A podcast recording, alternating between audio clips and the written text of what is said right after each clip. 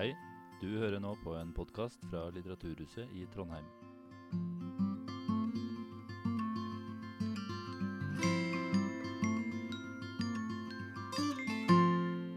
Faktisk noen av dere kjenner igjen som har vært her før. Og mm, jeg tenker i dag så er jeg, jeg skulle si jeg er aleine, men det er jo litt feil. da. Men Hans Andreas Knutsen og meg bruker å ha det her. Og da er det han som er liksom den som er sånn crowd pleaser og prøver å få folk i, i, gang. da. Så jeg er ikke så flink til det. må innrømme det. Så jeg skal prøve å være morsomt og like flink som Hans Andreas, men jeg trenger hjelp fra dere. Okay? Så selv om dere ikke syns at det jeg sier er morsomt og interessant, så må dere bare late som. Kan vi være enige om det?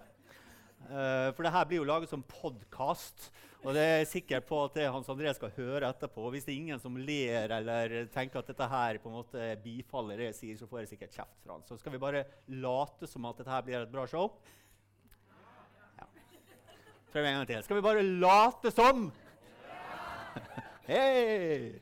Kult. Der går vi bra, da. Um, når ulven kommer altså Jeg ser jo som sagt noen kjente ansikt, men er det, er det, kan dere rekke opp hånda dere som har vært der før? Se her, ja. Wow. Så da kommer dere igjen og igjen. Eller så har dere fryktelig mye problemer, da. Eh, både psykose og seksuelle vansker og angst. Og eh, Sist gang så hadde vi om religion da, og overtro. Så i dag så har jeg to uh, gjester. Det er jo Roger. Si hei, Roger Hallo, hallo. og Anniken. Hei. Uh, og jeg skal introdusere dem mer ordentlig etter hvert. Eh, men først må jeg bare si hva når ulven kommer. Og hvis dere har vært der før, så vet sikkert mange det fra før. Men nå har faktisk Hans Andreas og vi hatt Når ulven kommer i to år. To år. Det begynner å bli ganske imponerende. Og da har vi hatt show sånn ca. én gang i måneden. Så det begynner å bli ganske mange show. Vi begynte på Antikvariatet, og da var det sånn 40 personer. Du var der! Hei. uh, og neste gang så, så, skal vi ha et, uh, et, tema. Da kommer det 350 personer. Så jo, vi har jo truffet et eller annet. Og det som var målet vårt, er å drive på med folkeopplysning. Og det er to ting med folkeopplysning om psykisk uh, helse. For det første så er det veldig mye fordommer og feil opplevelser uh, knytta til psykisk helse og psykiske lidelser. Særlig gjelder det psykose, så det skal vi snakke om i dag. Men i tillegg så finnes det ganske mye informasjon ut der, men det er liksom veldig lite om hva skal man gjøre med det. Så jeg tenker En ting å lære om f.eks. hva er angst, og det kan være fint. Men folk som har angst, eller folk som kjenner noen som har angst, vil jo gjerne vite ok, men hva skal vi gjøre med det. da? Så det er det vi prøver å, å, å, å være også litt konkrete og praktiske. Og I tillegg så har vi med oss gjester uh, som er eksperter.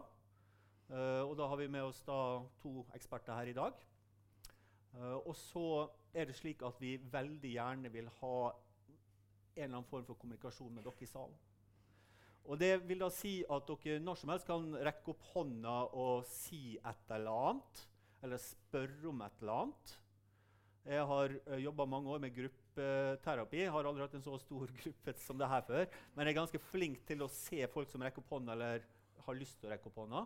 Men i tillegg, så særlig etter pausen, eller kanskje litt før, vi får se, så går det også, da vil vi på en måte spørre dere om dere har spørsmål.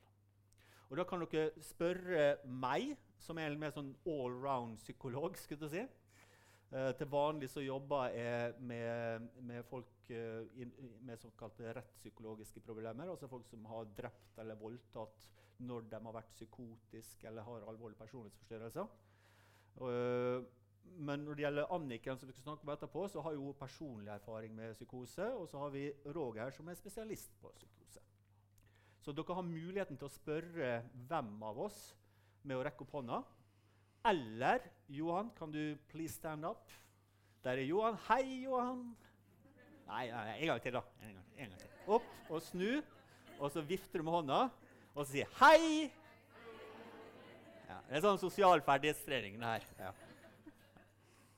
Vi bruker å spøke med Johan da, og så, og så sier det at det er grunnen til at det kommer så mange, for at alle har lyst til å se på Johan. da. Så Johan reiser én gang til. For dem som har betalt nå massevis av penger. Ja. Ja. Ja. Takk, takk. Og Hadde han vært en kvinne på den alderen, her, vet du, så hadde jeg blitt anklaga for et eller annet med å tulle. Men det går bra med deg, Johan. ikke sant? Ja, ja. Så eh, Johan der han har da den dingsen, om det er Facebook eller hva det er for noe, eh, der folk kan sende inn spørsmål. Så det er Facebook, Hvis dere går inn på Når ulven kommer på Facebook, så kan dere sende da spørsmål. Da med andre så behøver dere rekke opp hånda. Dere behøver ikke å skrive navnet deres. Dere bare skriver spørsmålet, og så svarer vi det på, fra scenen. Er dere med på det? Og så er det slik at Når dere skal stille spørsmål, hvis dere gutser så mye at dere bruker mikrofon og, og stiller spørsmålet i salen, så må dere vente til dere får mikrofon. Og selvsagt bør dere være veldig forsiktige med å fortelle på en måte, eh, navn eller å fortelle for mye hvis det er sensitivt. Vi hadde for eksempel, Eh, en, et, et, tema rundt seksuelle vansker, og pedofili. og Da liksom, var, begynte folk også å fortelle om sine egne ting. og sånn. Og Det er ikke sikkert at du har lyst til at det skal bli lagt ut på nasjonalt uh, uh, Skulle si TV. Det er ikke det, men podkast. Ja. OK. Er dere med så langt? Ja. Ja. Har jeg glemt noe da, så langt? Nei. Nei. Høres bra ut, det. Høres bra ut. Du er med fremdeles? Ja, hører dere mikrofonene? Ja. ja. Jeg kan slå av den mikrofonen hvis du sier dumme ting. vet du. Ja. Jeg er morsom, vet du, egentlig. ja. Anniken, ja. Um, den der filmen vi så, ja. den var jo litt sær. Det var mye fokus på drap og rare ansikter og alt mulig sånn.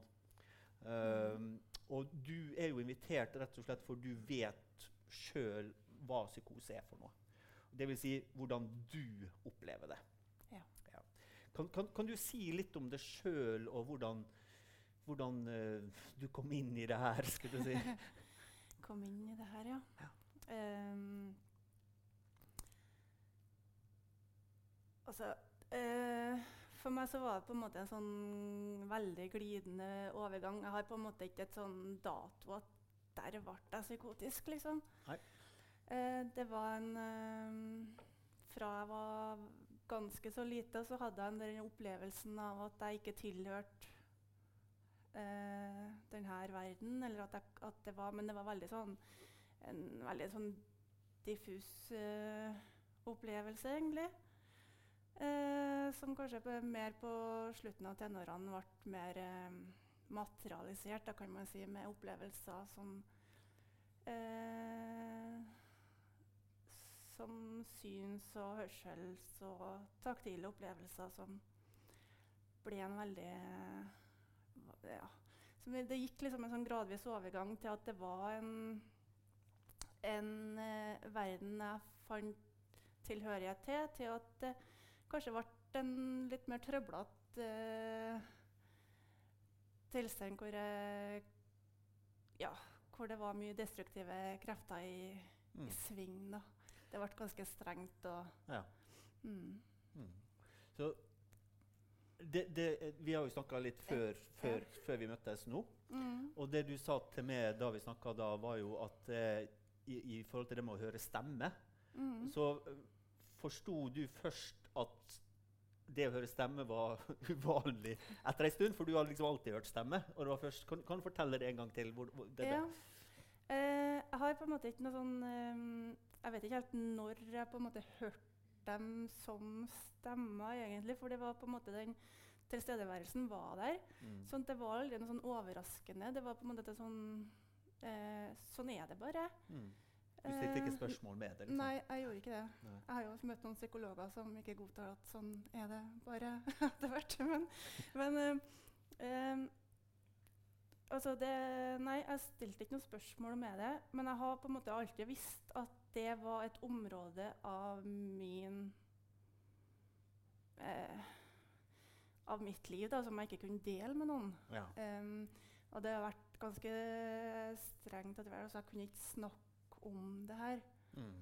Eh, og det har jeg på en måte bare visst. Mm. Og så ble det først når jeg kom i kontakt med psykiatrien, da, at var, mm. jeg fikk det spørsmålet 'Hører du stemma?' Ja.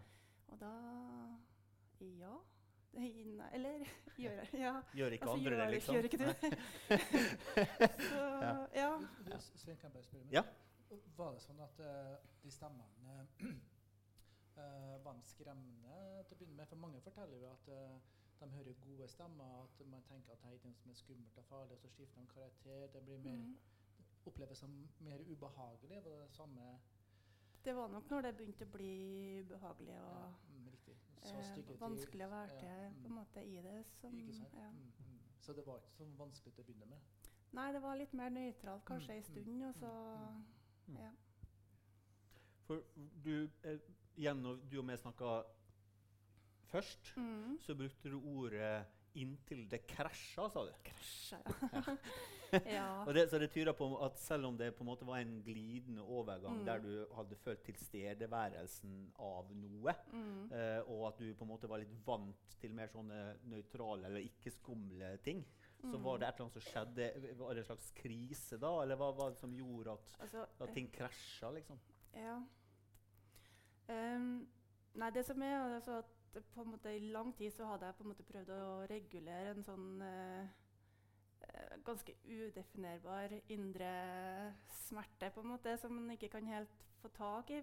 Og prøvd å håndtere det på forskjellig vis. Og så uh, ble det vel mer sånn Ja.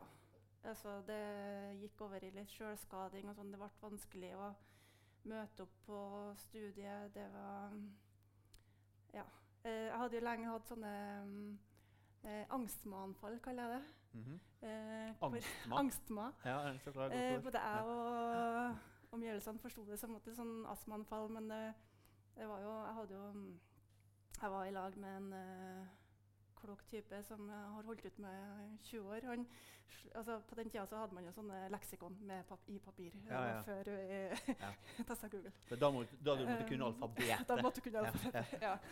Så uh, han bladde på en måte forbi astma og slo på angst. på en måte. Altså sånn, det fikk uh, Altså Jeg trøbla med et eller annet, men jeg klarte ikke helt, og jeg visste ikke hva det var. Um, og så på en måte Ja, parallelt så skjer jo det med eh, at stemmene blir på en måte strengere eller Mm. mer skremmende, da. Mm. Eller og ikke Ja. Mm. Mhm. Du, du brukte et ord der i stad som det ikke sikkert alle forstår. For du har lært det faguttrykket allerede, hører jeg. Du sa taktile.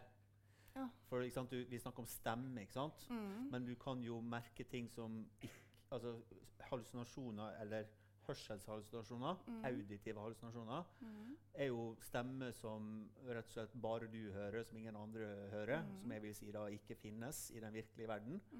Eh, men man kan det er ikke bare hørsel man kan få inn.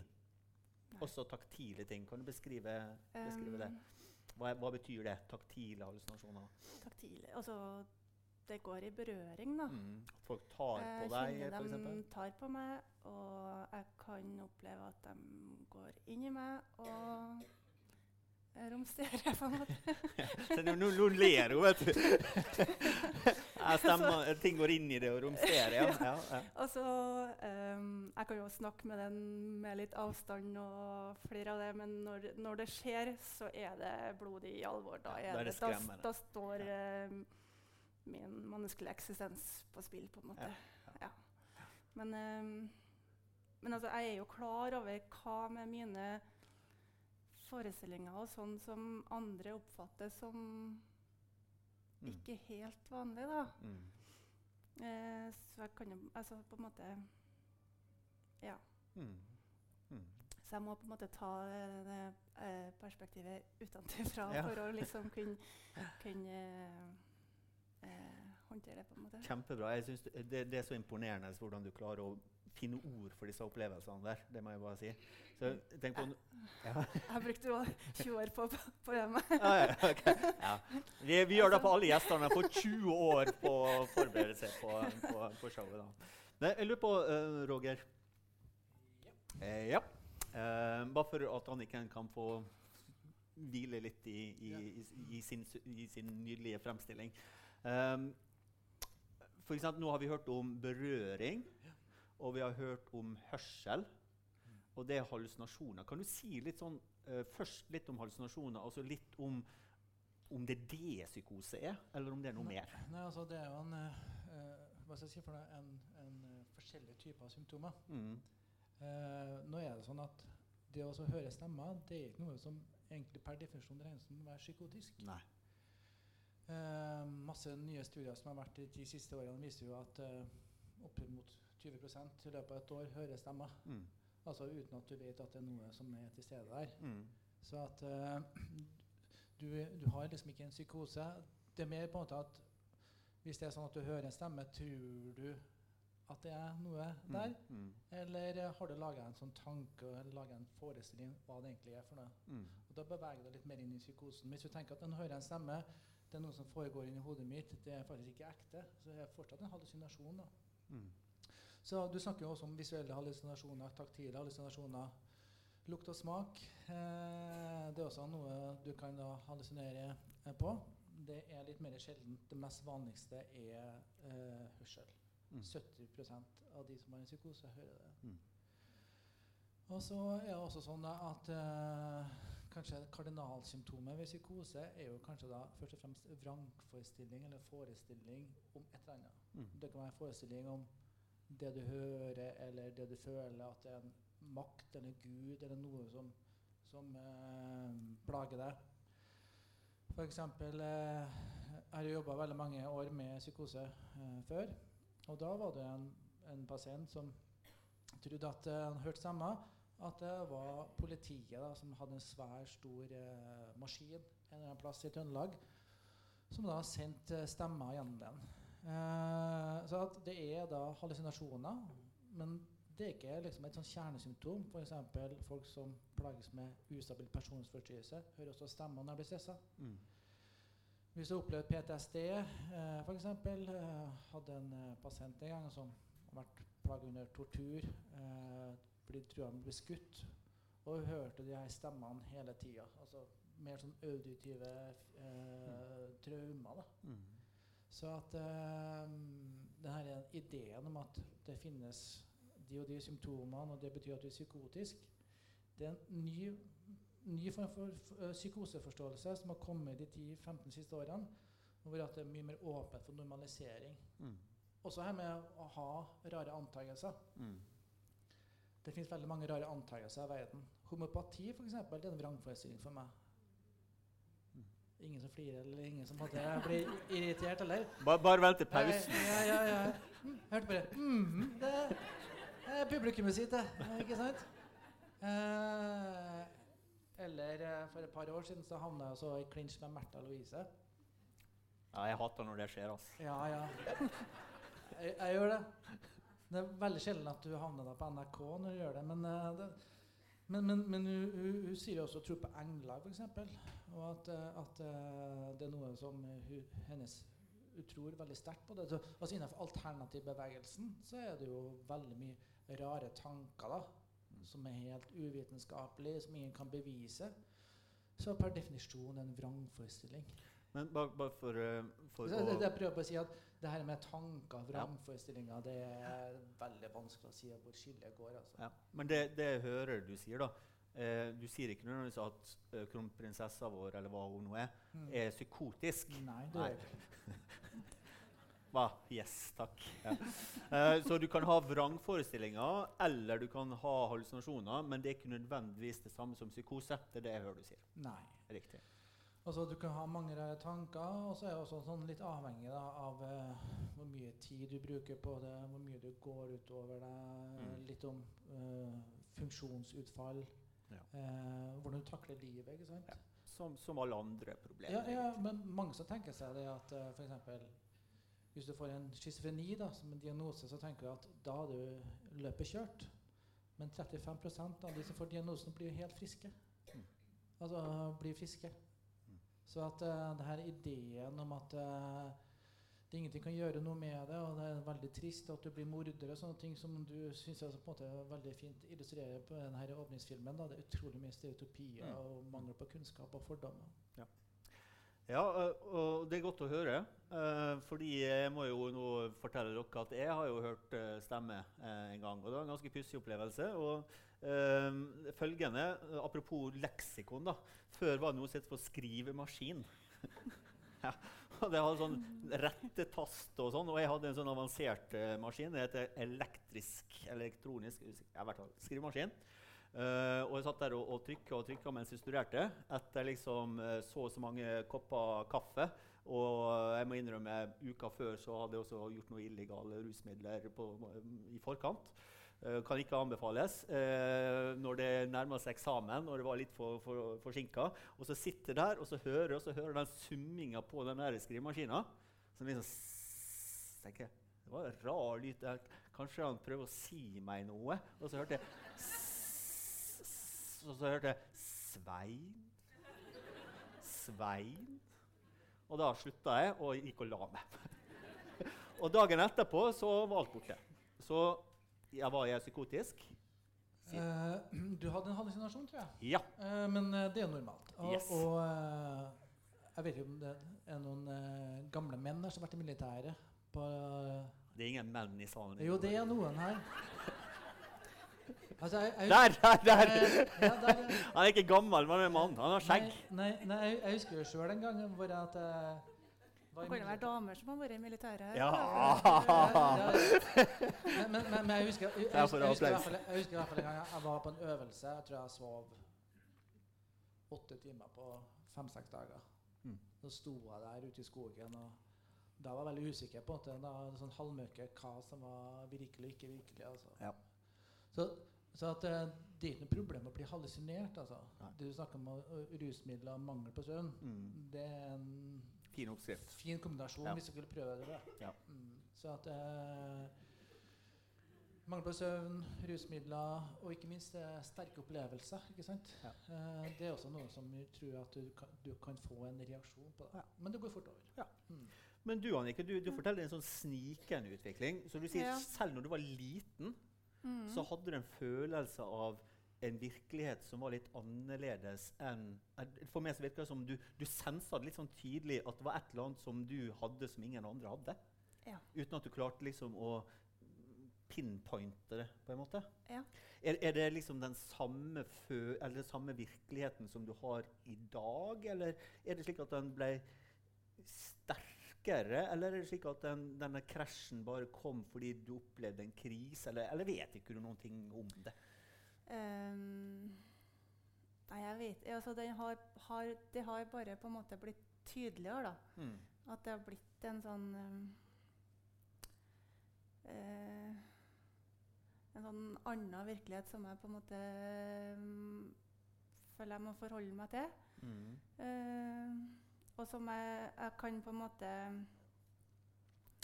Når jeg har, uh, er litt, har overskudd og er, eh, er grei form, så klarer jeg fint å leve med det, på en måte. Mm. Altså, det er litt sånn Jeg har spekulert litt hvor går skillet på psykotisk og altså, jeg, jeg, Daglig har jeg på en måte eh, de, altså, psykosesymptomer, men det regnes vel ikke som psykotisk konstant.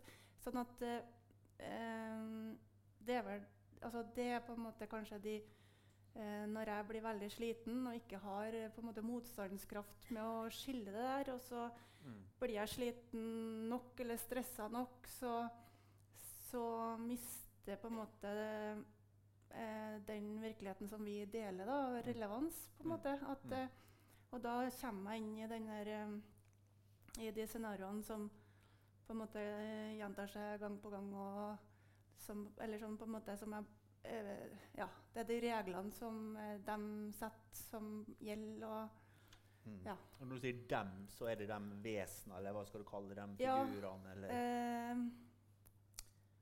hvis noen ser den, så rekk opp hånda.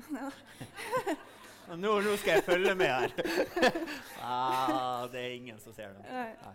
Sånn at eh, altså det, er det på venstresida di? Ja. ja. Ja. Eh, stort sett så er det noen som følger med meg. Mm. Og det er sånn Ja. Det er kappekledde, mørke skikkelser uten ansikt. Mm. Um, sånn etter hvert eh, så har jeg jo sett det blir jo fremstilt i TV og sånn lignende Ja. uh, skikkelser. Og jeg har også hørt andre som på en måte beskriver litt samme Mm. type skikkelser. Mm. Um, så det er liksom litt sånn Mm.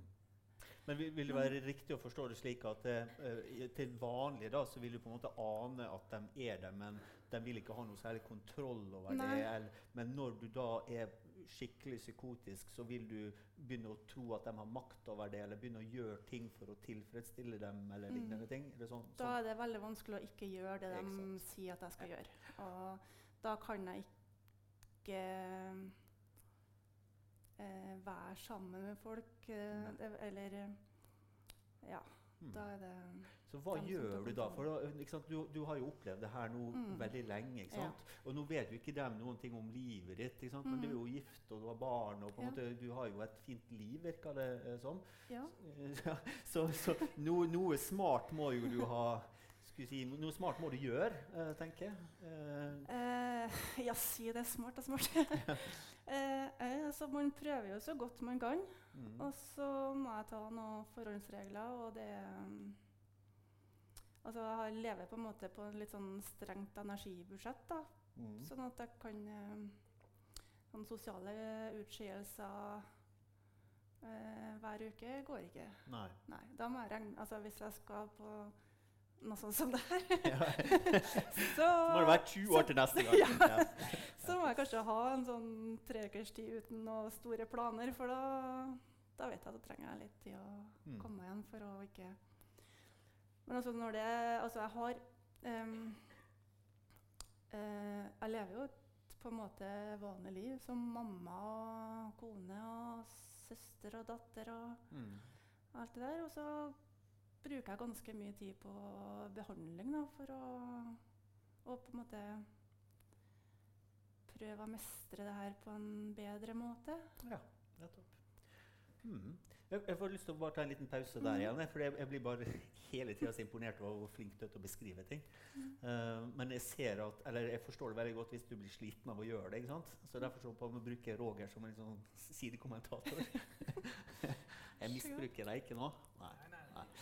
Nei. Eh, fordi eh, eh, Det du sa i stad? Eh, man har forandra hvordan man ser på psykose i, altså i fagfeltet. da, Ganske drastisk. Men også behandling er jo også enorm endring på. Jeg tenker veldig Mange her er jo sikkert så gamle at de har sett sånn denne filmen 'Gjøkeredet' og ser for seg sånne svære sykehus med hvitkledde pleiere på to meter høy, liksom.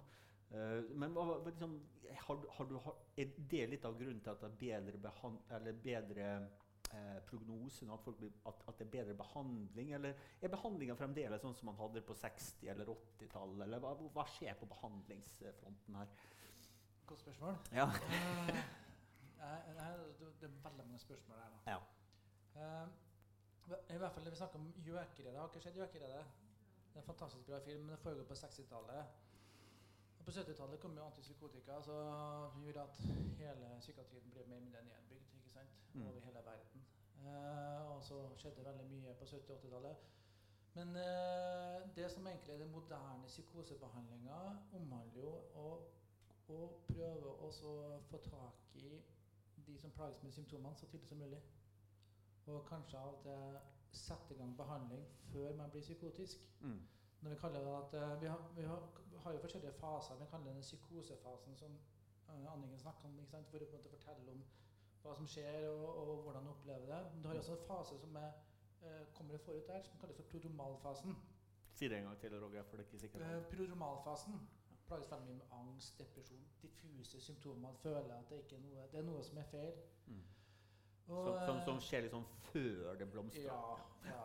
Og så ma mange har en følelse av at det er noe sånn galt, og, og ja, angst, depresjon um, Noe i hvert fall veldig ubehagelig. Mm. Så man prøver da å, å, å komme inn så tidlig som mulig, eh, og ikke la de uh, ulike personene som plages med symptomene, gå for lenge med det. Mm. Og det er også sånn da at uh, man ønsker ikke å legge inn noen lenger.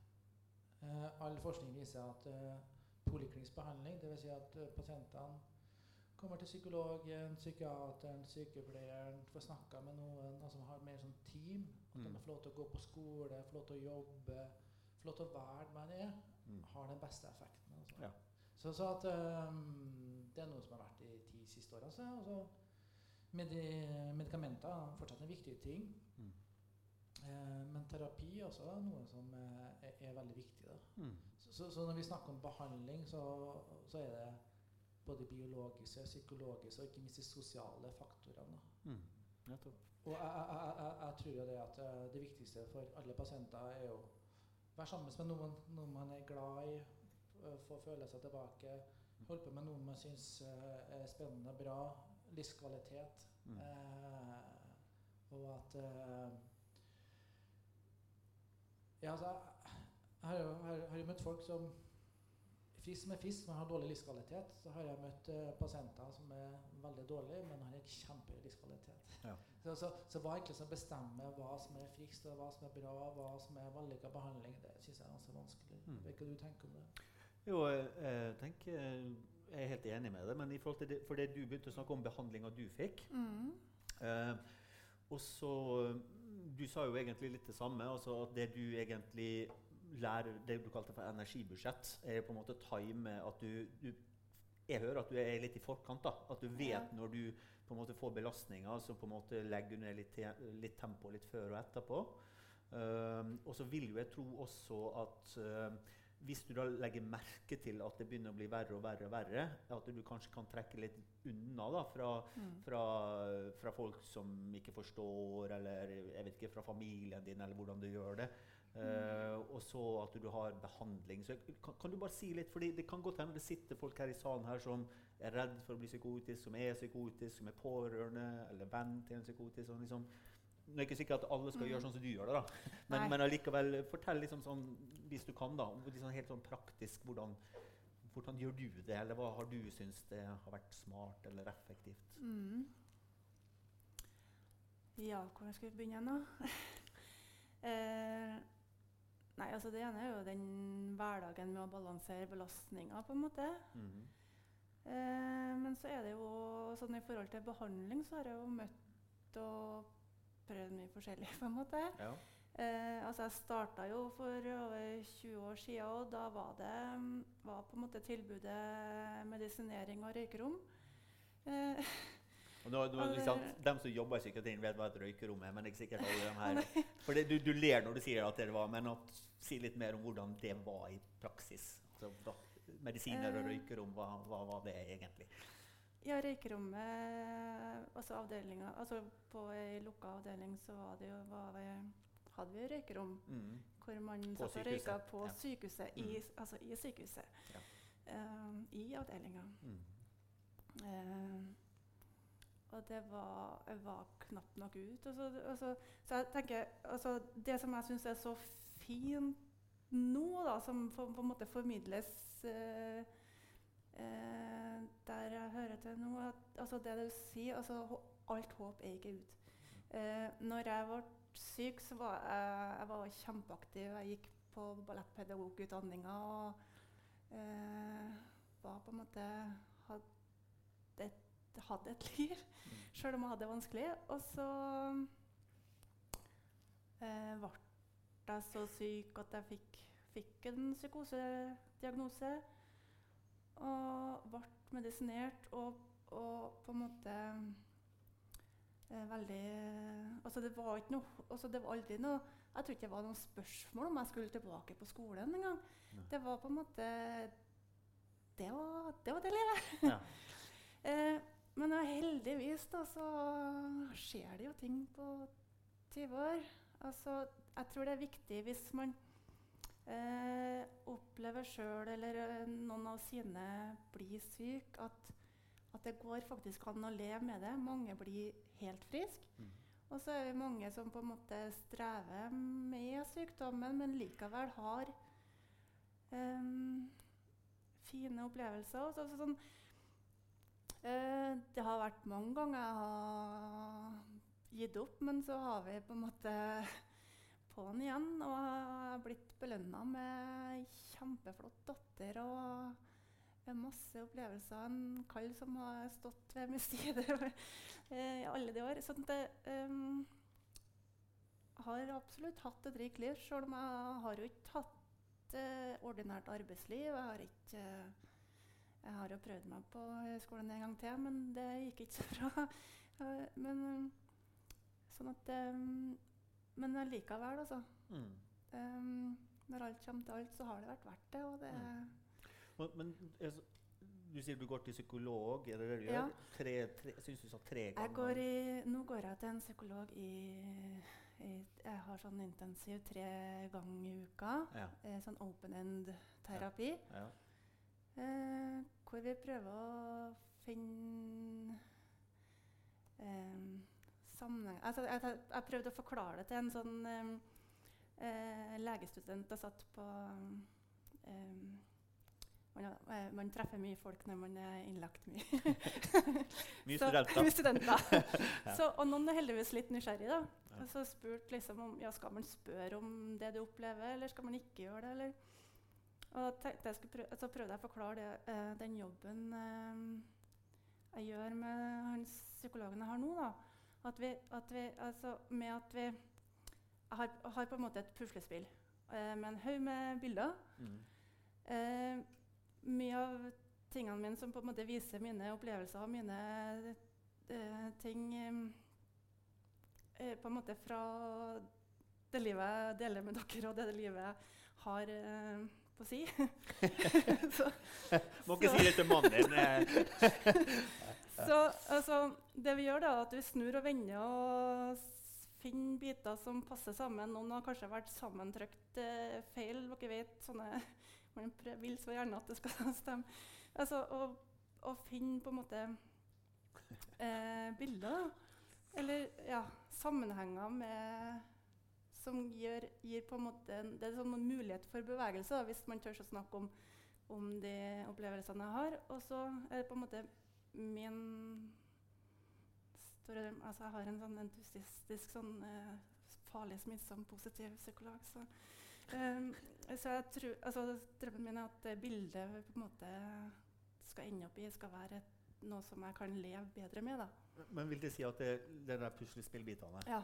Er det noen av de puslespillbitene som både passer i uh, min virkelighets eh, puslespill, og Mhm. samtidig den der på sida altså, Har du noen brikker som går på begge, liksom? Eller er det to forskjellige ting som um, bare krasjer? Nei, det, det på en måte kan skje da, at uh, hvis det rører seg noe i det her livet, så rører det seg òg noe Ja, nettopp. Altså En sånn sammenheng da, som på en måte ble en litt sånn uh, aha-opplevelse for meg, kanskje var at um, Jeg tror vi drev med en sånn eksponering, på en måte, og så har uh, Så så han på en måte som Altså observert det samme som meg, men vi så det på hver sin måte. At når, jo mer redd jeg var, jo nærmere var er han. Ja. Eh, jeg har bestandig tenkt at jo nærmere han er, jo reddere blir jeg. Men så ble det ja, på en annen en sånn eh, Altså en liten sånn Ja, den, liten ting som tvister litt, som må vri nøtta seg litt på. ja, den, den må vi bruke litt uh, nøtt på, tror jeg. Altså det du sier, bare for å gjenskape det, at det før så tenkte du at jo nærmere den skikkelsen, vesenet, mm. tingen, personen kommer deg, jo, nær, Mhm. jo mer redd var du. Mm, Naturlig nok, for det er en Mhm. skummel uh, figur. mm, Eh, men så forstår du nå at det er også andre veien, at jo mer stressa og redd du er, jo mm. nærmere kommer den personen. Ja. Ja, det, det, den er ganske dyp, ja. Men det, det viser til at faktisk det du gjør i den verden her, påvirker den verden der. ja. Forsto dere den, eller? Eh, Mm. Så noen begynner med å, Det er sånn første du lærer på psykologstudiet. Det er sånn mm. Ja, men, jeg, jeg, syns egentlig ikke det er så veldig rart det, at det er sånn. Fordi at uh, hvis dere er mørkredde og ting blir skummelt og dere blir veldig engstelige, Mm. så begynner jo også dere å tenke på hva er det her for noe. Dere sitter hjemme, og så smeller det et eller annet i huset hvis dere er husredd. Ja. Og da er det innbruddstyver. Og, og, og man må lage seg forskjellige tanker. Så at, eh, Mm. Eh, jeg, jeg- tenker jo det at eh, Jeg har hørt veldig mange av mine pasienter som jeg har snakka med, fortelle på akkurat samme måten. Mm. At det er en veldig sånn sammenheng mellom angst, neg altså negative følelser også Mm. kan man tenke på. da. Og at Mm. eh, Når man blir mer engstelig, så tenker man kanskje ikke så veldig over det, så kommer det litt mer automatisk. Mm.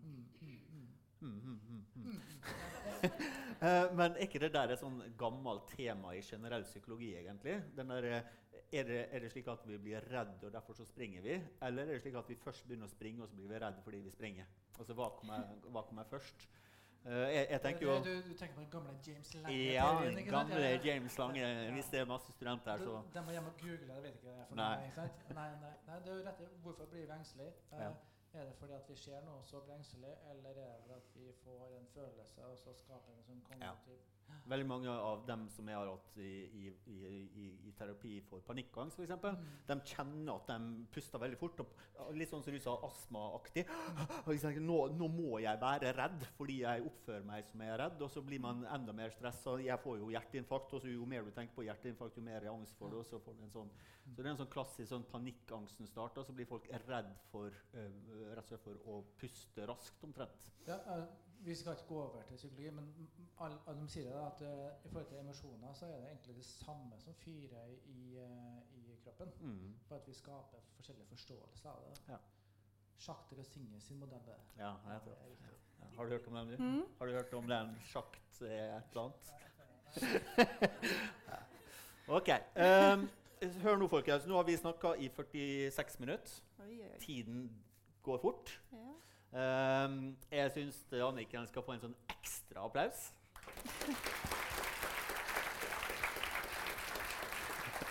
Ja, ja, ja. Og så uh, syns jeg Roger skal få en ekstra applaus. Hva mener Nå- du om det? ja. Ja, hva mener du om det? Hva mener du selv? nå, nå må ikke du røpe triksene. Det var det da.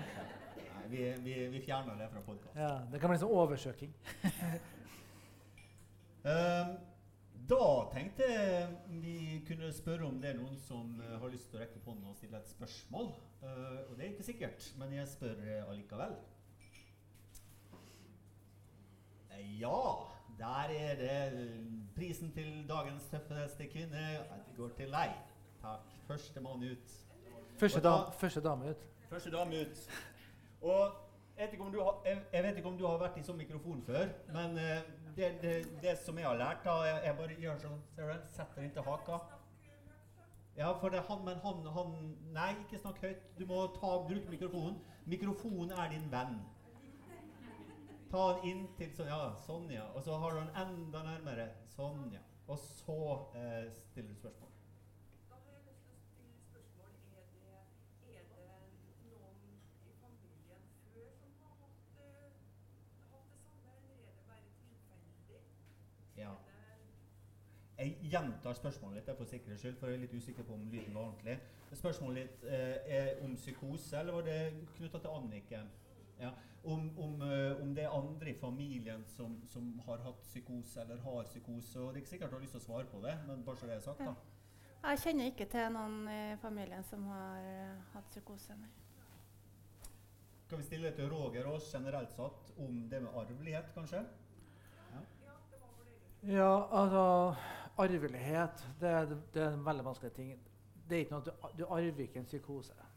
Eh, her med gener og sånt eh, vi, vet, vi vet at det spiller en rolle.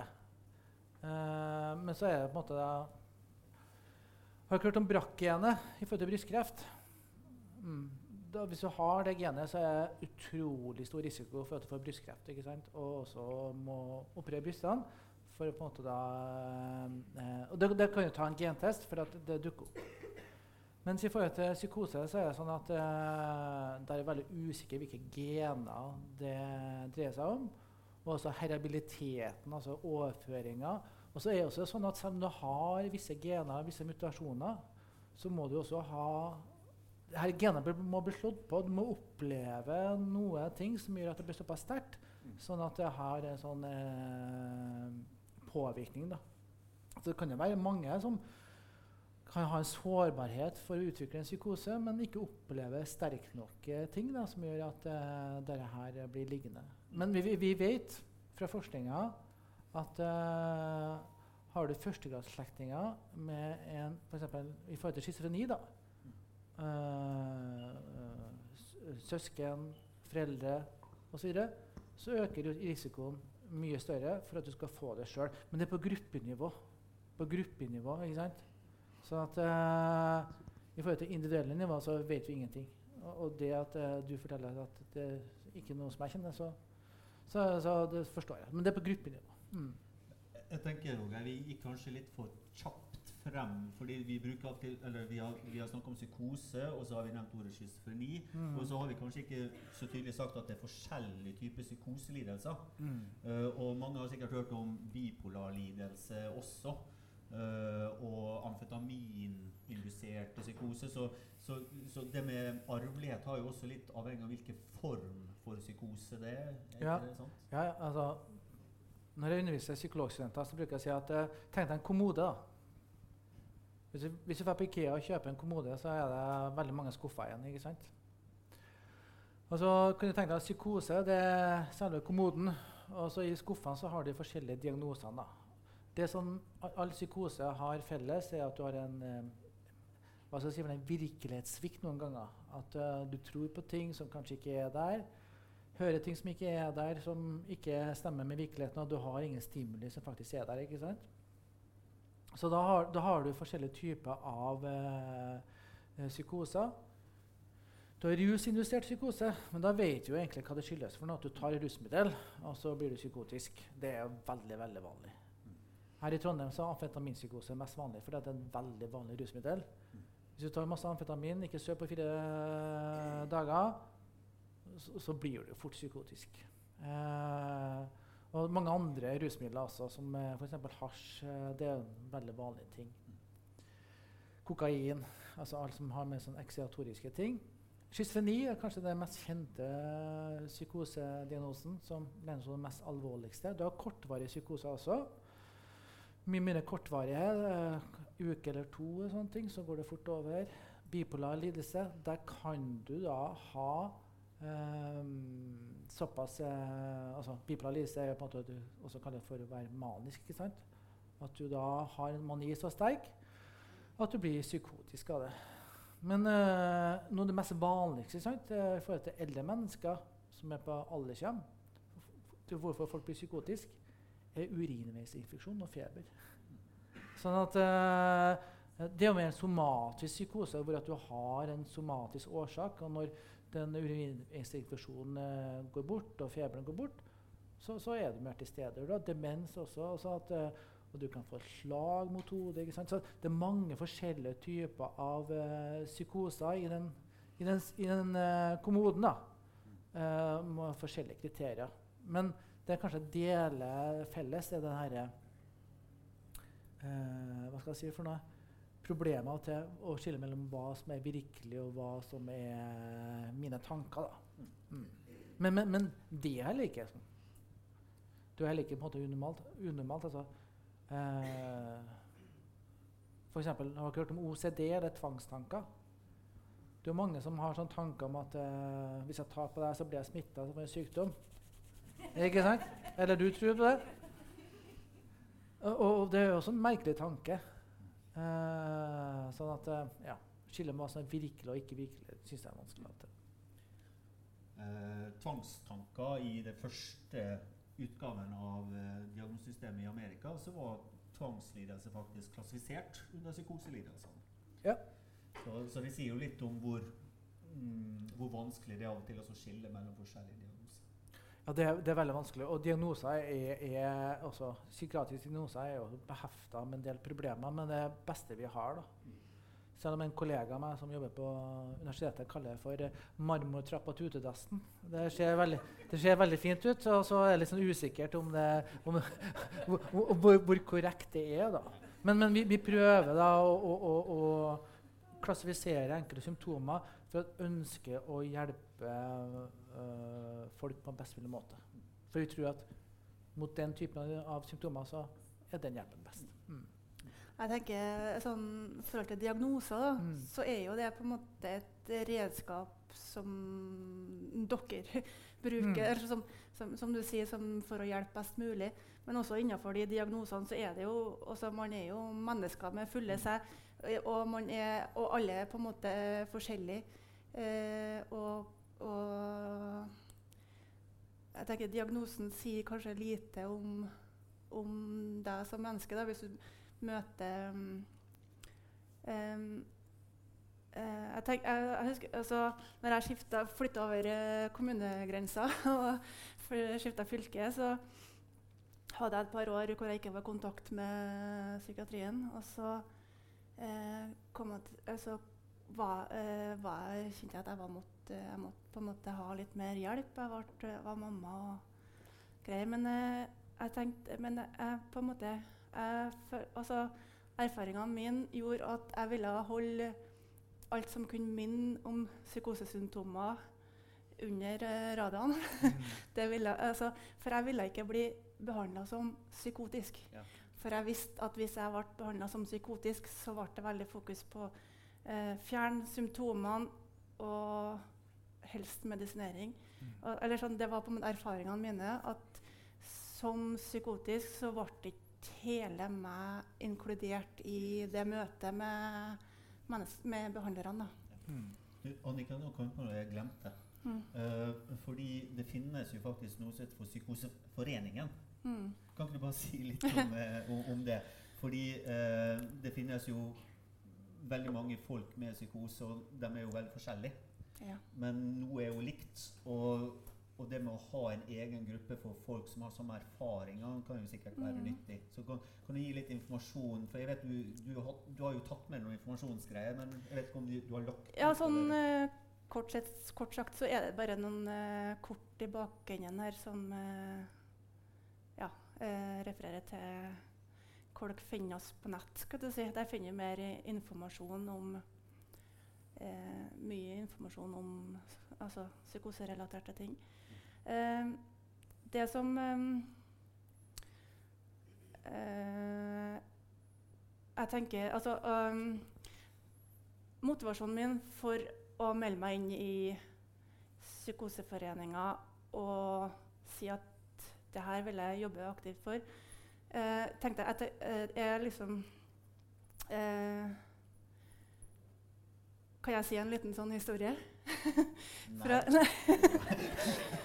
nei. Kjør på. Altså, I fjor sommer så var jeg og familien på, um, på, en, på ferie på en campingplass i Lom. Eh, jeg sitter på en benk, og dattera mi som var sju da, satt og leka med noen unger. Og så sier jeg til andre ungene eh, du, Mamma har en sånn eh, sykdom i hjernen som gjør at hun hører stemmer som sier dumme ting. Eh, ikke sant, mamma? Jo. Eh, jeg ble litt sånn paff, da.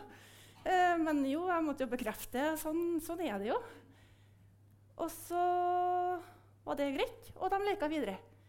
Og jeg tenker Hvis altså, jeg, jeg, jeg, jeg på en måte vil eh, Hvis den generasjonen som kommer etter, kan komme kom dit at man kan si eh, snakke om psykose på en sånn måte, helt uten skam, helt uten redd for, å være redd for avvisning eller noe som helst.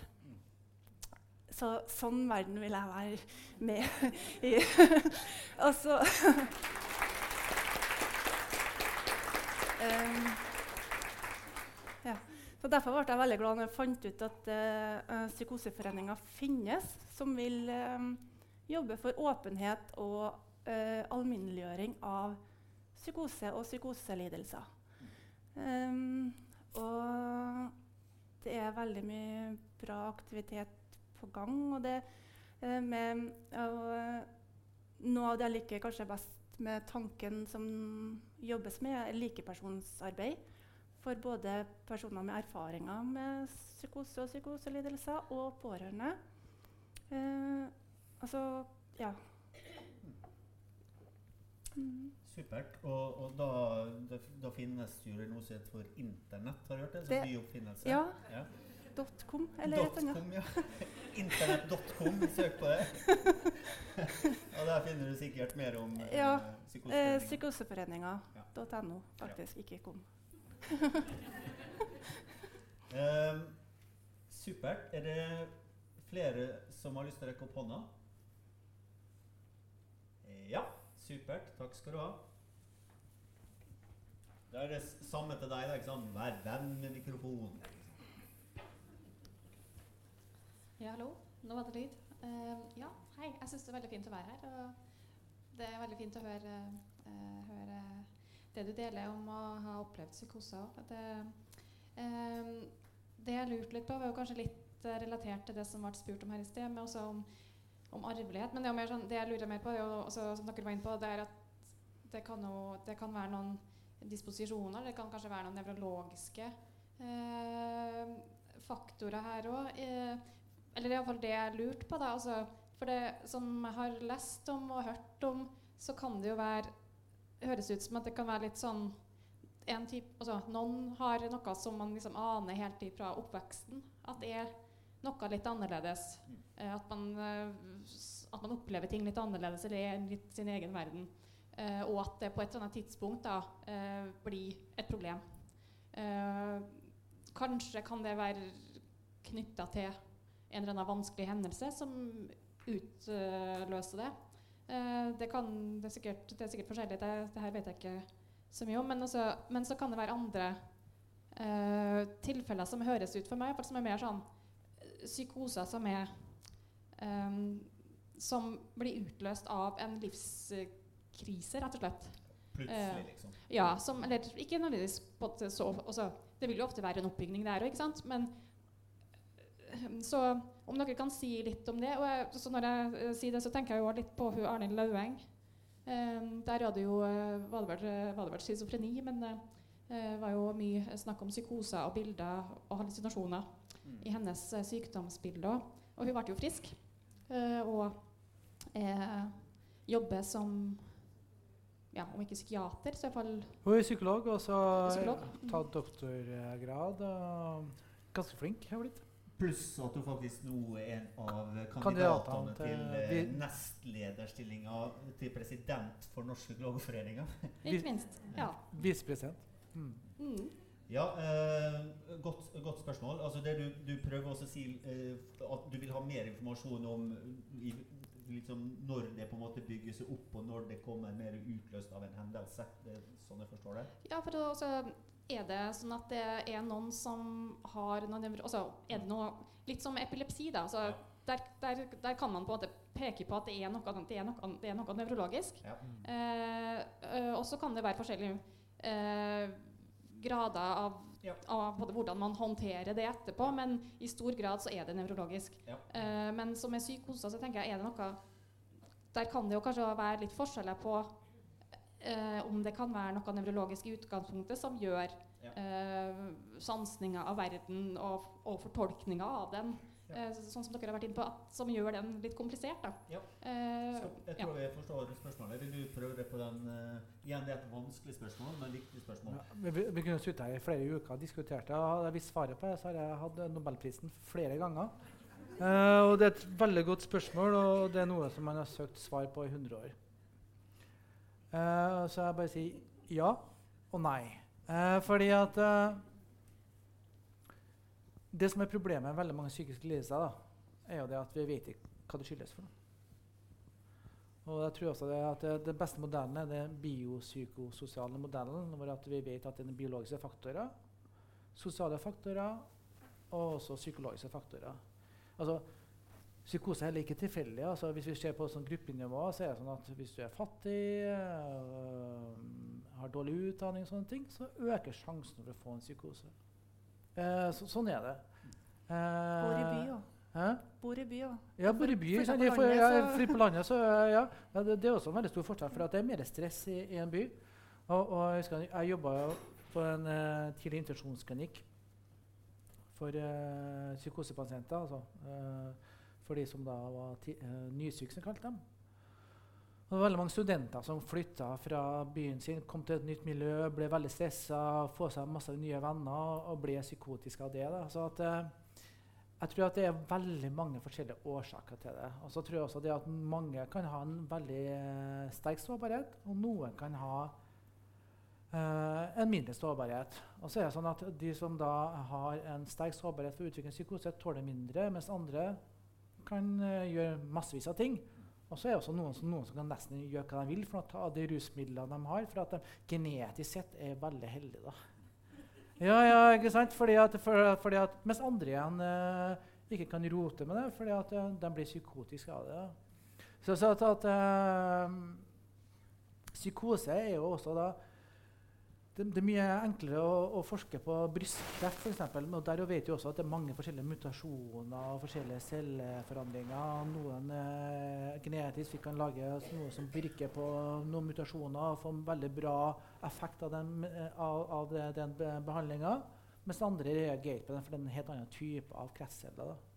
Og, og der er vi i dag. altså Vi, vi vet ikke. Og det er det, det store problemet. Vi har laga forskjellige typer av eh, diagnoser. Beskriver symptomer. Men uh, vi vet egentlig ikke hvorfor uh, hva psykiske lidelser skyldes, for det er så mange faktorer. Eh, godt godt uh, oppsummert. Men jeg tenker på den filmen som vi begynte med. Mm. Jeg vet ikke om dere husker det, men det var, jeg vet ikke om dere forsto det, alle sammen heller, men det var bilde av to hjerner der. Husker dere det? Og så sto det ordet ventrikkel der. Mm. Og det har jo vært noe som mange hadde sånn stor håp om at man kunne finne hvert fall et slags en sammenheng da, mellom at man kunne hvert fall se schizofreni eller psykose da, gjennom å ta skann av hjernen fra ventrikkelstørrelsen. da. Um, vil det være riktig å, å, å si, Roger? Og, og, og hvor er den forskninga nå? Eh, Den er, det er veldig mye av den forskninga. Det, det, det er veldig artig, fordi at uh, det som eh, skjedde, var jo det at oppi hjernen da, med låne sin, sin, så, har, så har du ventrikler en går der, og så, er der, så er det fylt med forskjellige Hvilken væske er det? Jeg husker ikke Cerebrospinalvæske. Ja. Veldig vanskelig ord å si. Ja, væske. Og så er det sånn at uh, når du hadde schizofreni, så var det sånn at, uh, at uh, den her ventrikkelen var forstørra, som gjør at det var mindre plass til grå substans og mindre plass til hjernen. Og man tenker at det var noe man var født med. Men så kom det noe herlig forskning for 15 år siden som viser at PTSD, de som har opplevd veldig sterke traumer, har akkurat samme funnene. Så- så-. Ja, så så, så det, det, det var ikke et sårbarhet for uh, psykose og schizofreni. Det var bare faktisk en reaksjon for hjernen å bli utsatt for stress. Og Det er også problemet i forhold til genetikk. At faktisk hendelser i seg sjøl kan endre genetikken. Det kalles for epigenetikk. Så at uh, folk som snakker om at de har funnet gen for schizofreni eller psykose, det er bare tull. Uh, det tror jeg i hvert fall ikke min levetid. Uh, og i tillegg til det, uh, Anniken um, Fordi én ting er jo den forskjellige, den kommoden din med massevis av uh, psykoselidelser i. Mm. Men du har jo også en annen kommode som ligger på en måte smekk inntil den kommoden, som er for dissosiative lidelser. Mm. Uh, og dissosiative lidelser ehm, Det vet du også noe om, gjør ikke du det? Eller tar jeg helt Eh, feil? jo. Ja, jo. Ka, ka, eh, for jeg husker når du og jeg snakka først, så, så sa du sånn Hvis det kommer eh, inn på dissosiative lidelser, så kommer du til å følge ekstra mye med, sa du. Men, men Eh, kan, kan, kan, kan du forklare hva dissosiative lidelser er for noe? Jeg tenkte Anniken kunne gjøre Ja, det. ok, greit. Ja. Oi. Bra. Og så kan du gi fasiten. Nei, nei, nei. nei. Han kom med rettepenna nå. Ja. Nei, det er heller andre veien, bare så sagt. Eh, det er du som sitter med den rette penna. Men få høre hva, du- hva, hva, hva du tenker rundt det. Um, ja, det, altså det er på en måte Min opplevelse er kanskje altså, litt forskjellig, forskjellige på en måte utfall, men det er sånn at, at man fjerner seg fra seg sjøl, på en måte. Altså at man ikke er til stede i det man er. Altså, det kan være at eh, altså, eh, man kan, kroppen kobler helt ut, på en måte, og at man er eh, ikke til kontaktbar eller noe. Og så andre ganger kan jeg på en måte være operere og bevege meg rundt, eh, men ikke ha noen hukommelse om det, på en måte. Eller ja. Ja, og så man, Dissosiasjon er ofte så sier folk at man spalter vekk noe. Mm. Kan spalte vekk følelsen på en hånd, på øyne, på hukommelsen, eller at det man er ved en plass uten at man kan huske hvordan man Mm. kom dit, uten at man har drukket dritings. da.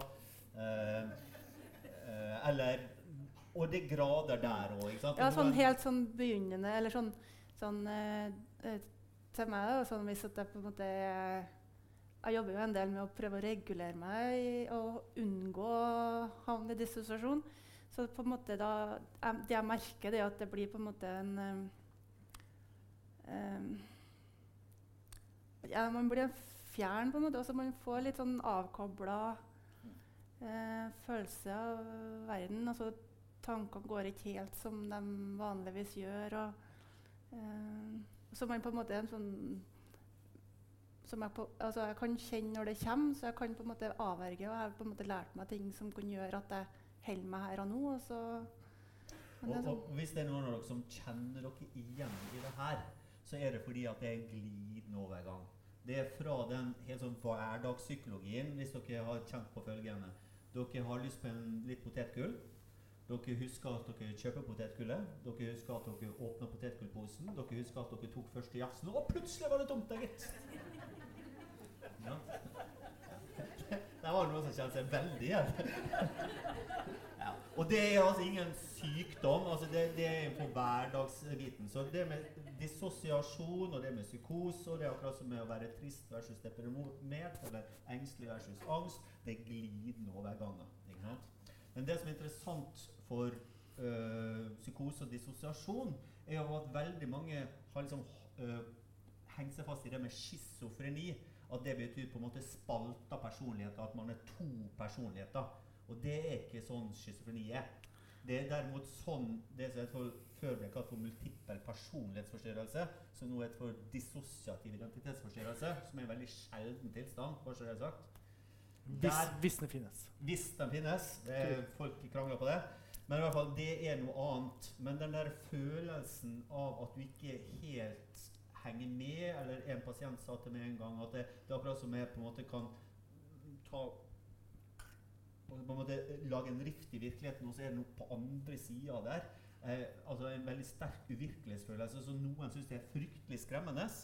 Og mange av mine pasienter som selvskader, forteller at de opplever sånn sterk uvirkelighetsfølelse, og at det kan være noen ganger veldig skremmende, noen ganger veldig godt. Og i en alvorlig traumatisk situasjon så er det selvsagt veldig fornuftig å på en måte late som det her skjer ikke. Men når det skjer i hverdagen uten et stimuli, så kan det være veldig skremmende. Så den oppgangen, og grunnen til at jeg, eh, jeg snakka litt om det her nå, Roger, er at jeg fikk et spørsmål om det. Mm. Liksom, hva, hva er forskjellen på dissosiasjon og psykose? Men er det jeg har sagt her nå, blir det bare forvirrende, eller vil du Det som Anniken og jeg nå sier, er det Nei, men nei, altså, det, det er både forvirrende og, og, og, og bra, men altså, det viser jo igjen svakhetene med Mm. hvordan vi prøver å tenke og kategorisere. Så at det som er av og til er litt vanskelig, er å prøve å fange din opplevelse i symptomer. Mm. Altså beskrive det, ikke sant? Eh, og, og det, det vet vi eh, også etter å ha pratet med noen veldig mye forskere på det også her i Norge, at psykose er veldig mange som opplever sånn, eh, sånn jeg- jeg-problematikk, at jeget forsvinner litt. Ikke sant? At man uh, Hvem er jeg? Hvem styrer meg? Hvor er jeg? Ikke sant? At, at- denne følelsen av, av eh, kjernen av og til mm. kan svinne hen. Jeg vet ikke om du kjenner igjen det? Jo, Mm. eh, og det er en sånn veldig sånn vanskelig ja, det skjønner man. det, det, det er sånn som man leter eller Ja, ja. gjerne ha, ha, Har du noen gode ord på det? på en måte, For det er på en er en sånn opplevelse av en sånn eh, Oppløsthet, Ja. på en Mm. måte. Mm. Som ikke Du har ikke noe Ja. som er meg. Ja, jeg, jeg, jeg tror ikke bare det er typisk for, for, for psykose i seg sjøl. Men jeg har snakka med mange som har angst, da, på en måte for panikkangst. De forteller akkurat det samme, at alt liksom bare forsvinner. og Man, man, man, man lurer på hvor jeg har blitt av. ikke sant? Men, men eh, dissosiasjon, ja. eh, i forhold til Jeg tror nok at eh, øyeblikket av virkelighetsbrist er kortere. Og at man har også et slags, sånn slags Det er nesten som man uh, står i et rom og kikker ut av vinduet, men kan fort komme seg tilbake igjen. Mm. Mens kanskje psykose og til når man er der, så står man utafor vinduet og kikker inn. Uh, men det er, en sånn, det, det er veldig glidende overganger. da. det, det det her viser, er jo nettopp hvor vanskelig det er å beskrive følelser. Ikke sant? Og, Mm. og det igjen, eh, Poenget her er at det gjelder jo egentlig alle følelser. Og Jeg vil tenke at det, er fryktelig vanskelig for meg å beskrive hvilken som helst følelse jeg har, og være sikker på at du forstår det. Mm. Og hvis jeg i tillegg da har en psykisk lidelse som ingen an Eller som hvis jeg har depresjon og du ikke har depresjon, så er det fryktelig vanskelig å beskrive min følelse av depresjon til deg. Mm. Og selvsagt, jo mer uvanlig psykisk lidelse du har, Mm. jo vanskeligere blir det. Og det er kanskje derfor det er så viktig det du sa i stad med pårørende og, og, og brukerorganisasjoner og sånn. For jeg tror, nå tror jeg at også La oss si at eh, alle dem her var psykotiske, da. Det, det kan jo mm. de være, for det jeg vet, Ja. da. Eh, kan jeg Det er mye blant oss, vet du. er. Eh, men allikevel, eh, eh, hennes, eller hans psykose vil jo da være ganske forskjellig fra hennes psykose. Mhm. Men allikevel så har han kanskje litt lettere for å forstå greia da, Mm. enn for folk som ikke har psykose. Ja. Eh, det er et sånn vanskelig tema å ta opp på, på kafé, på en måte, Ja. blant eh, i barselgruppa, eller Altså eh, Ja, eh, det er Du kan forklare det, men, eh, men det Jeg tror Men folk det forstår måte, det. man, Du- ikke du- opp, man nei, må på en måte ja, oppleve det. Mm, mm. Men samtidig så Ja. Mm. Jeg tenker også en, altså en plass er jo også, Jeg tenker mange er jo på en måte Man er veldig redd for alle fordommer alle, i forhold til alle stigma som er knytta til det. Men så tenker jeg at òg mange sitter og er genuint, interessert, og prøver å forstå. Eh, men man lister seg litt sånn rundt uh, omkring når det kommer til sånne ting. For det er litt sånn skummelt. Tør vi å spørre om tåler dem det? Uh, ja. Men, men, men jeg, tror også det berører en av eh, angstene til mennesker også. Ja. For hvis uh, de gjorde en undersøkelse, altså, altså, eller undersøkelse hva, hva er det folk er redd for? Jo, folk er redd for å dø. Mm. Og folk er redd for å bli gal. ja. Så snakk om det som folk er redd for. ja. Da, da tror jeg du berører noe som er veldig veldig vanskelig. Mm. altså. Så at det her er, det handler om å leve eksistensen, Mm. og så at det, det blir veldig Ja. skummelt. Og når er man gal, på en måte? Ja, det er et veldig godt Ja. spørsmål. Mm. Se, eh, eh, før vi tar neste spørsmål, så må Johan ha Hvor ble det av Der, ja. ja. Eh, takk. Uh, så må jeg korrigere det litt. Altså De undersøkelsene på hva folk er redd for, så er død og dø kommer nest øverst. Å bli gal kommer jeg tror jeg på fjerdeplass. Ah, okay. Og på førsteplass kommer det å snakke i forsamlinger. Ja. Ta-ta-ta! Ta-da! Eh, noe som viser hvor tøff folk er som faktisk rekker opp hånden her. Mm. Uh, Johan, uh, har du en, eh, et spørsmål? Ja, det har jeg. Ehm, til eh, Anniken. Mhm. Kan du si Oi, Jeg bruker mikrofonen her. Eh, til Anniken. Kan du si litt mer om hvordan psykoselidelsen din påvirker deg i hverdagen i dag? I hverdagen i dag, ja. Eh, den påvirker jo meg på mange vis, da. Og så eh,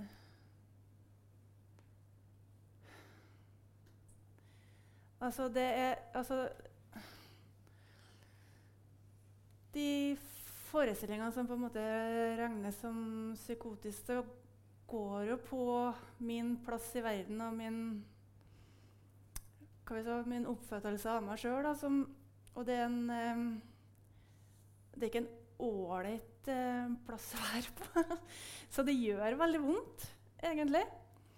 Uh, men også sånn rent praktisk så bruker jeg jo mye tid på behandlere og, og, og sånn. Så det påvirker meg i, den form at jeg ikke er i arbeidslivet og, og det der.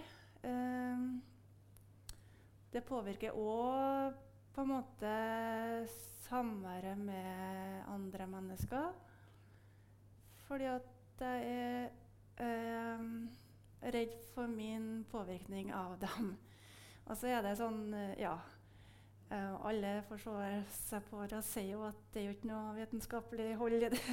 og jeg vet det på en måte på en sånn intellektuelt vis når at jeg er i form til det, men, men det er um, uh, Det er ganske sånn slitsomt å jobbe mot uh, mot den måte virkeligheten som på en måte hele tida passer på meg. Sier du nå at eh, de skikkelsene eller Mm. et eller annet sånt Når de er ubehagelige mot deg, at du er redd Mm. for at når du er sammen med andre, at det skal på en måte smitte over på dem, eller at de skal oppleve lidelse også? Er det det du sier? At du Ja. passer på andre folk? liksom? At det òg kan overføre Ja. Mm. Sånn at eh, Men det er jo Altså, det er jo eh, eh, jeg, jeg prøver jo hele tida å på en måte overstyre det her, og på en måte eh, le normalt. Altså, det, veldig, det har vært veldig viktig for meg å, å kunne gi dattera mi den nærheten som hun trenger. Og det har jeg jo klart. Altså, I perioder så har jeg måttet eh, holdt meg på sykehuset, eller holdt meg litt For det har vært så vanskelig å være redd for den innvirkninga man har på ungen sin. Da.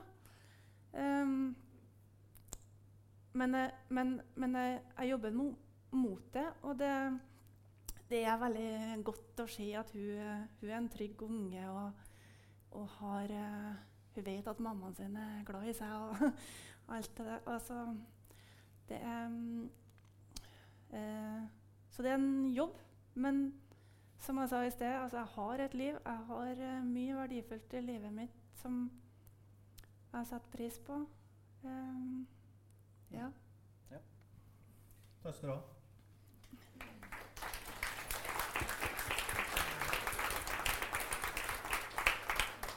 Har du enda et, Johan? Ja, enda et. Um, tusen takk, eh, Anniken. Uh, vi lurer på om man vet noe om hvorfor enkelte mennesker oppfører seg voldelig under psykose. Er dette meg? Nei. Uh, mens andre ikke utfører denne type atferd. Har det noen sammenheng med individets personlighet utenfor psykose, eller er det psykosen i seg selv som fører til dette?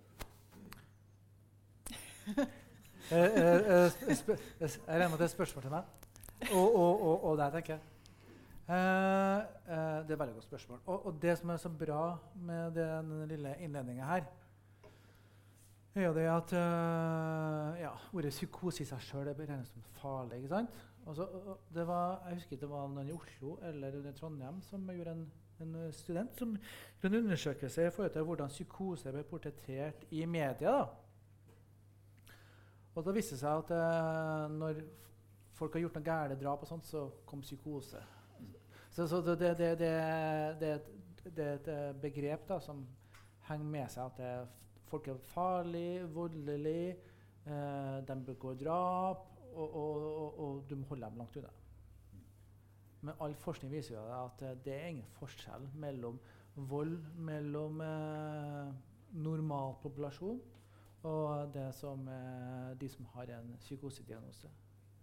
Det er bare noe som øker sjansen for en, eh, de som har en psykose til å begå voldelige handlinger. Det er inntak av rusmidler, men sånn er det også hos normalpopulasjonen. Så statistisk sett så er ikke de med psykose farligere enn uh, alle som sitter der. Mm. Så, så, men her, det som er fint med Svein, da Han er ikke bare en fin, flink sånn Men eh, er også farlig. Eh, nei da. Flink, flink, flink formidler. Men han jobber jo på Brøstøt, ikke sant, som jobber med de farlige. Så at, uh, her, her tenker jeg at jeg kan også liksom lene deg opp imot det du vet. da. Nei, du sa det helt riktig. Ehm, det, det, det sier jo seg sjøl at hvis du er, har en psykose der du er mye redd for uh, skikkelser og vesen og sammensvergelser og sånn, så vil jo du trekke det bort fra folk.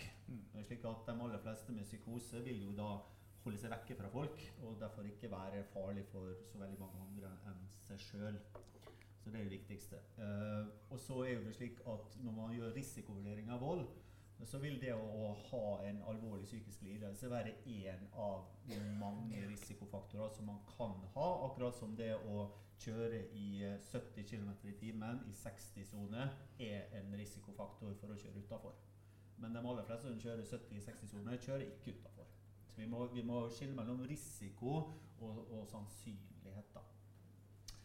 Så, øh, men så har du selvsagt noen personer med psykoselidelse, særlig schizofreni, som har en paranoid psykose, eller en paranoid, øh, altså har en vrangforestilling at folk er ute etter å ta dem. Og da er det klart at øh, hvis de tror at du er en del av den på en måte forestillingsverden som skal ta dem, øh, da kan de være farlige i en sånn situasjon hvis de føler seg trua. Det er utgangspunktet. Eller hvis de har konkrete hallusinasjoner som sier til dem at de må drepe. eller Mm. Men det er veldig sjelden. Og de fleste som f.eks. dreper i Norge, det er jo ganske sånn mm, generelt at det blir drept mellom 25 og 30 personer i Norge hvert år. Imot nesten 700 selvmord, bare så det er sagt. Eh, og de, eh, de aller eh, færreste er jo psykotiske. Den største risikoen for å bli drept er jo å møte eksmannen din i fylla hvis han har slått deg før. Uh, så, sånn sett. Og, og jeg har jo jobba i sykehus med psykotiske i eh, ja, Jeg har vært psykolog i 26 år og jobba enda mer, og jeg har jo aldri blitt drept. Uh, Nei, men det er artig å tenke på. Jeg, jeg jobba med pasienter med psykose i 15 år. Alle ble angrepet eller eh, slått eller noe. Nei. Det kan jo bli veldig hyggelig, men altså, det sier noe om risikoen, tror jeg. Ikke sant? Ja. Men møt meg på nachspiel etterpå. Ja, ja, ja, ja. Det tror jeg er mer skummelt. Neida, men i forhold til det spørsmålet også om det er personlighetstrekk Nei, det, det er heller ikke slik at du kan si at enkelte folk er farlige. da, bare så det er sagt. Mm. Det er ikke slik at du, du blir født farlig. Man kan bli født med uh, f.eks. Uh, person, eller liksom personlighetstrekk som, eh, som at du er veldig egoistisk, psykopat, eller at du bare tenker på deg sjøl. Men, eh, men de fleste eh, som, som skader andre folk, gjør det enten fordi de oppnår noe med det, altså stjele ting, true deg, eller gjøre et eller annet sånt, eller fordi de der og da reagerer i en forsvarssituasjon. Mm. Så psykotiske personer er ikke noe man går rundt og er redd for. Jeg blir litt sånn småirritert, for senest på Dagsrevyen for et par dager siden så var det liksom fremme med at psykiatrihendelser Politiet har altfor mye psykiatrihendelser. Og det er på en måte, sånn, da, da på en måte bare fundamenterer du det at det politiet på en måte bør ha en egen sånn psykiatripoliti. Eh, men det, er mye større problem at menn over 50 år eh, går på julebord. ja. ja. så da burde heller forby eh, julebord, eller ha hva heter det, sånn, eh, eh, egne begrensninger for 50 år gamle menn i desember. Sånn innetid. Nei, men, men jeg, jeg, jeg tenker jo det at uh, Altså Når ulven kommer, det omhandler jo på en måte å, å eh, avlive myter. Så må vi si som Jon Almaas at uh, nå legger vi den død. Eh, at eh, det, stem, det er en myte, og det stemmer ikke. Og at vi må liksom Neste gang du hører en, så si at det stemmer ikke. Sånn at det er ikke sånn det er. Jeg har jo vært innlagt på sam til sammenlagt i flere år i, i, på lukka poster med folk med psykoseproblematikk. Og altså, det er helt vanlige folk. Altså, med helt, helt forskjellige på alle spekter av mm. Det er Mm. like lik og like ulik som folk flest, Ja. egentlig. Mm. Mm. Helt uh, Jeg har aldri opplevd noe Aldri vært redd, nei. redd for Nei. Ikke jeg heller. Og du er heller aldri blitt drept. Nei, ikke så vidt jeg vet. Ikke så vidt du vet det. Nei, riktig. Skal vi se, jeg har et spørsmål bak deg, Johan. Bare sånn hvis vi kan gi mikrofonen der. Ja. Eh, jeg som hun bortafor, veldig fint å være her. Jeg vet ikke om jeg er mer eller eh, mindre klok som går, for for nå har jeg så masse spørsmål. Så, men eh, jeg skal ta ett. Eh, du sa innledningsvis Jeg husker dessverre ikke hva du heter nå. Roger. Roger var det. Mm. At eh, 35 eh, um, kan bli frisk av en uh, Og da er jeg litt sånn innpå dere, for det er litt sånn diffus begrepsbruken her i kveld da, i forhold til der dere bruker eh, psykoselidelse. lidelse Mm. og dere eh, bruker ikke eh, verken paranoid schizofreni eller schizofrenidiagnose. Men eh, tilbake egentlig til det eh, Ut ifra en psykoselidelse så blir 35% frisk i eh, poliklinisk eh, behandling. Er det For jeg tenker sånn som psykiatrien er nå, så er det jo en del eh, overskrifter som sier noe om at eh, mennesker eh, kanskje ikke får den hjelpa de skal ha tidsnok i Mm. forhold til antall psykoser som Mm. eh, em, da, for å si det Ja, sånn. Ja. Nei, altså, når vi snakker om 35% så er det da schizofreni som er den mest alvorligste formen for psykose. Så jeg tror jo det at, eh, at uh, uh, tallene er enda bedre på det mindre alvorlige. Eh, når vi snakker om paranoid schizofreni sånt, i forhold til DSM-5 da, og IC11, som er diagnosemanualene, så eksisterer ikke lenger sånne begreper som paranoid schizofreni. For at vi har ikke noe bevis, empirisk bevis for at vi kan dele dem inn i ulike typer kategorier. Eh, Men det blir gjort ennå. Ja, men eh, det må jeg slutte opp med. Fordi at eh, eh, så, Sånn er det ikke. Og fordi at eh, Ja. For flesteparten altså, Vi snakker om mennesker lar seg veldig sjelden dele seg inn i kategorier. eh, og at uh, istedenfor å presse mennesker inn i symptomer og diagnoser, så bør vi kanskje se hva, hva er problemet ditt. Mm. Ikke i forhold til eh, symptomer, og sånt, men hva er problemet ditt? Altså, jo, Problemet mitt er kanskje det at eh, jeg blir sånn stressa, og jeg har behov for å, å, slappe av når jeg er sammen med mye folk. Jeg må kule litt. Renne. Og, for, og når jeg ikke får gjort det, så begynner jeg å få en del rare tanker, og det må jeg få gjort noe med. Og så er det sånn at ok, da setter vi diagnosen schizofreni eller på en måte psykose på deg, og så vil vi behandle psykosen. Det blir jo feil. Mm. Så, så at uh, det, det som har alltid vært problemet med DSM-5 og DSM-6 og 7, er på en måte at de blir bare tjukkere og tjukkere. Sånn at uh, normaliteten blir bare mindre og mindre. Men, men allikevel jeg Men jeg, jeg, har- jeg har ikke svart på spørsmålet, egentlig. Men, men, men hva, hva var spørsmålet? Jeg kom veldig godt i gang, og så fikk, fikk jeg liksom ikke avslutta det.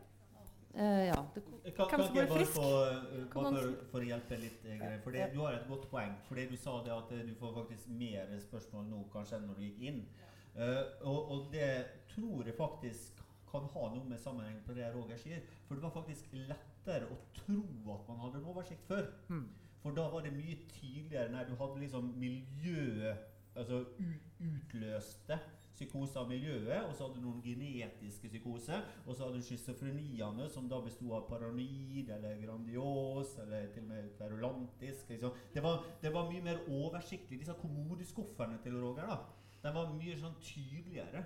Mens jo mer man lærer om det temaet her, så ser man at det dessverre alle de fine inndelingene som vi har brukt 20-30 år, eller kanskje 100 år, på å bygge opp, de viser ikke så stemme så helt når vi går inn i forskninga.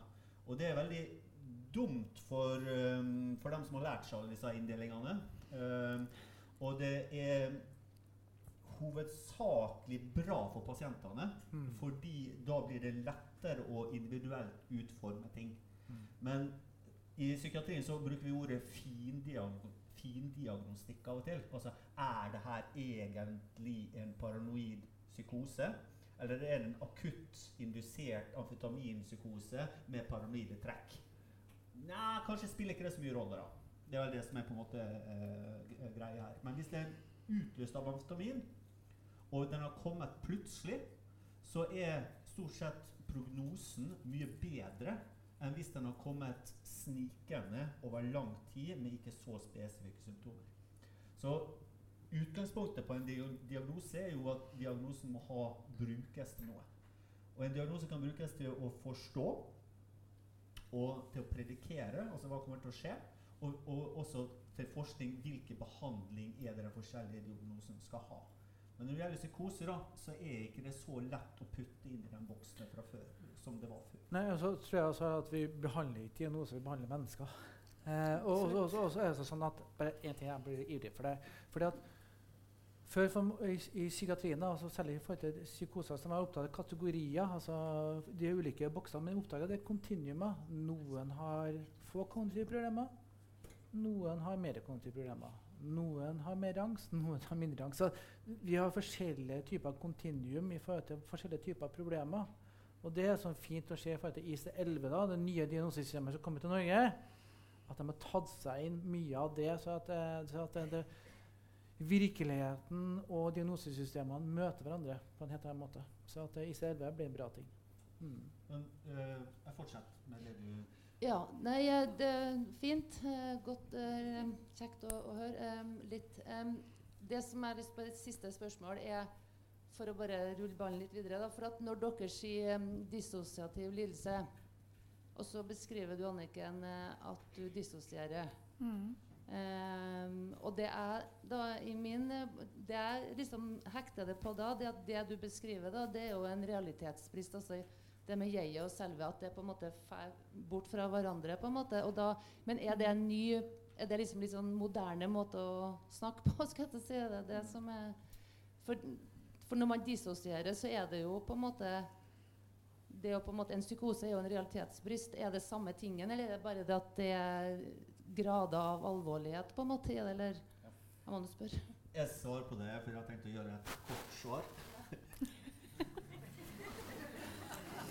For det klokka er fem minutter før vi skal stenge. Eh, og ja, det er litt sånn moderne betydning for at det forskning nå viser på at det som er veldig mye undervurdert i psykiatrien frem til nå, er jo nettopp traumes betydning. Og dissosiasjon veldig ofte, har tradisjonelt vært kobla veldig mye til traumer. At det er en normal reaksjon på en traume der og da, men at problemet vil være hvis du fortsetter å dissosiere, altså ha en uvirkelighetsfølelse eller spalte vekk, også når traume er over. Slik at fagfeltet nå er veldig mer opptatt av traume, og det samme har skjedd med psykose. Men det som nå har skjedd, er at det er ikke veldig ofte at diagnosesystemene blir revidert. Nå har vi både DSM-5 som har- istedenfor DSM-4, og ICD-11 som har kommet ut, men som ikke enda er innført i Norge. Og Grunnen til at det er endring der, er fordi at forskninga har vist at en del av de inndelingene vi har brukt før, ikke er helt riktig. Og at det er mye mer overlapp mellom diagnosene, f.eks. dissosiative lidelser og psykoselidelser. Men også, som øh, Roger sier, at den overgangen fra normal til syk, altså det kontinuumet, som er det ordet som Roger bruker, det er felles nesten for alle lidelser. Det var kortversjonen. Hvis man leser IC11, veldig spennende bok, eh, anbefales. Eh, men det er, faktisk, det er faktisk masse endringer. Det, det er en liten revolusjon Ja. som eh, skjer i forhold til diagnose. diagnose. Og også innenfor posttraumatisk stresslidelse og personlighetsforstyrrelse. Ja. Nå har vi bare noen få minutter igjen. Uh, det som jeg bare vil bare oppsummere litt, uh, er jo nettopp at det her blir jo lagt ut som podkast. Jeg håper at dere anbefaler andre skal se podkasten. Ikke fordi at vi får noe penger for det eller har lyst til å bli verdensstjerner. Eller kanskje du har lyst til det? Nei. Eh, men fordi vi tenker at det vi snakker om her i dag, er folkeopplysning.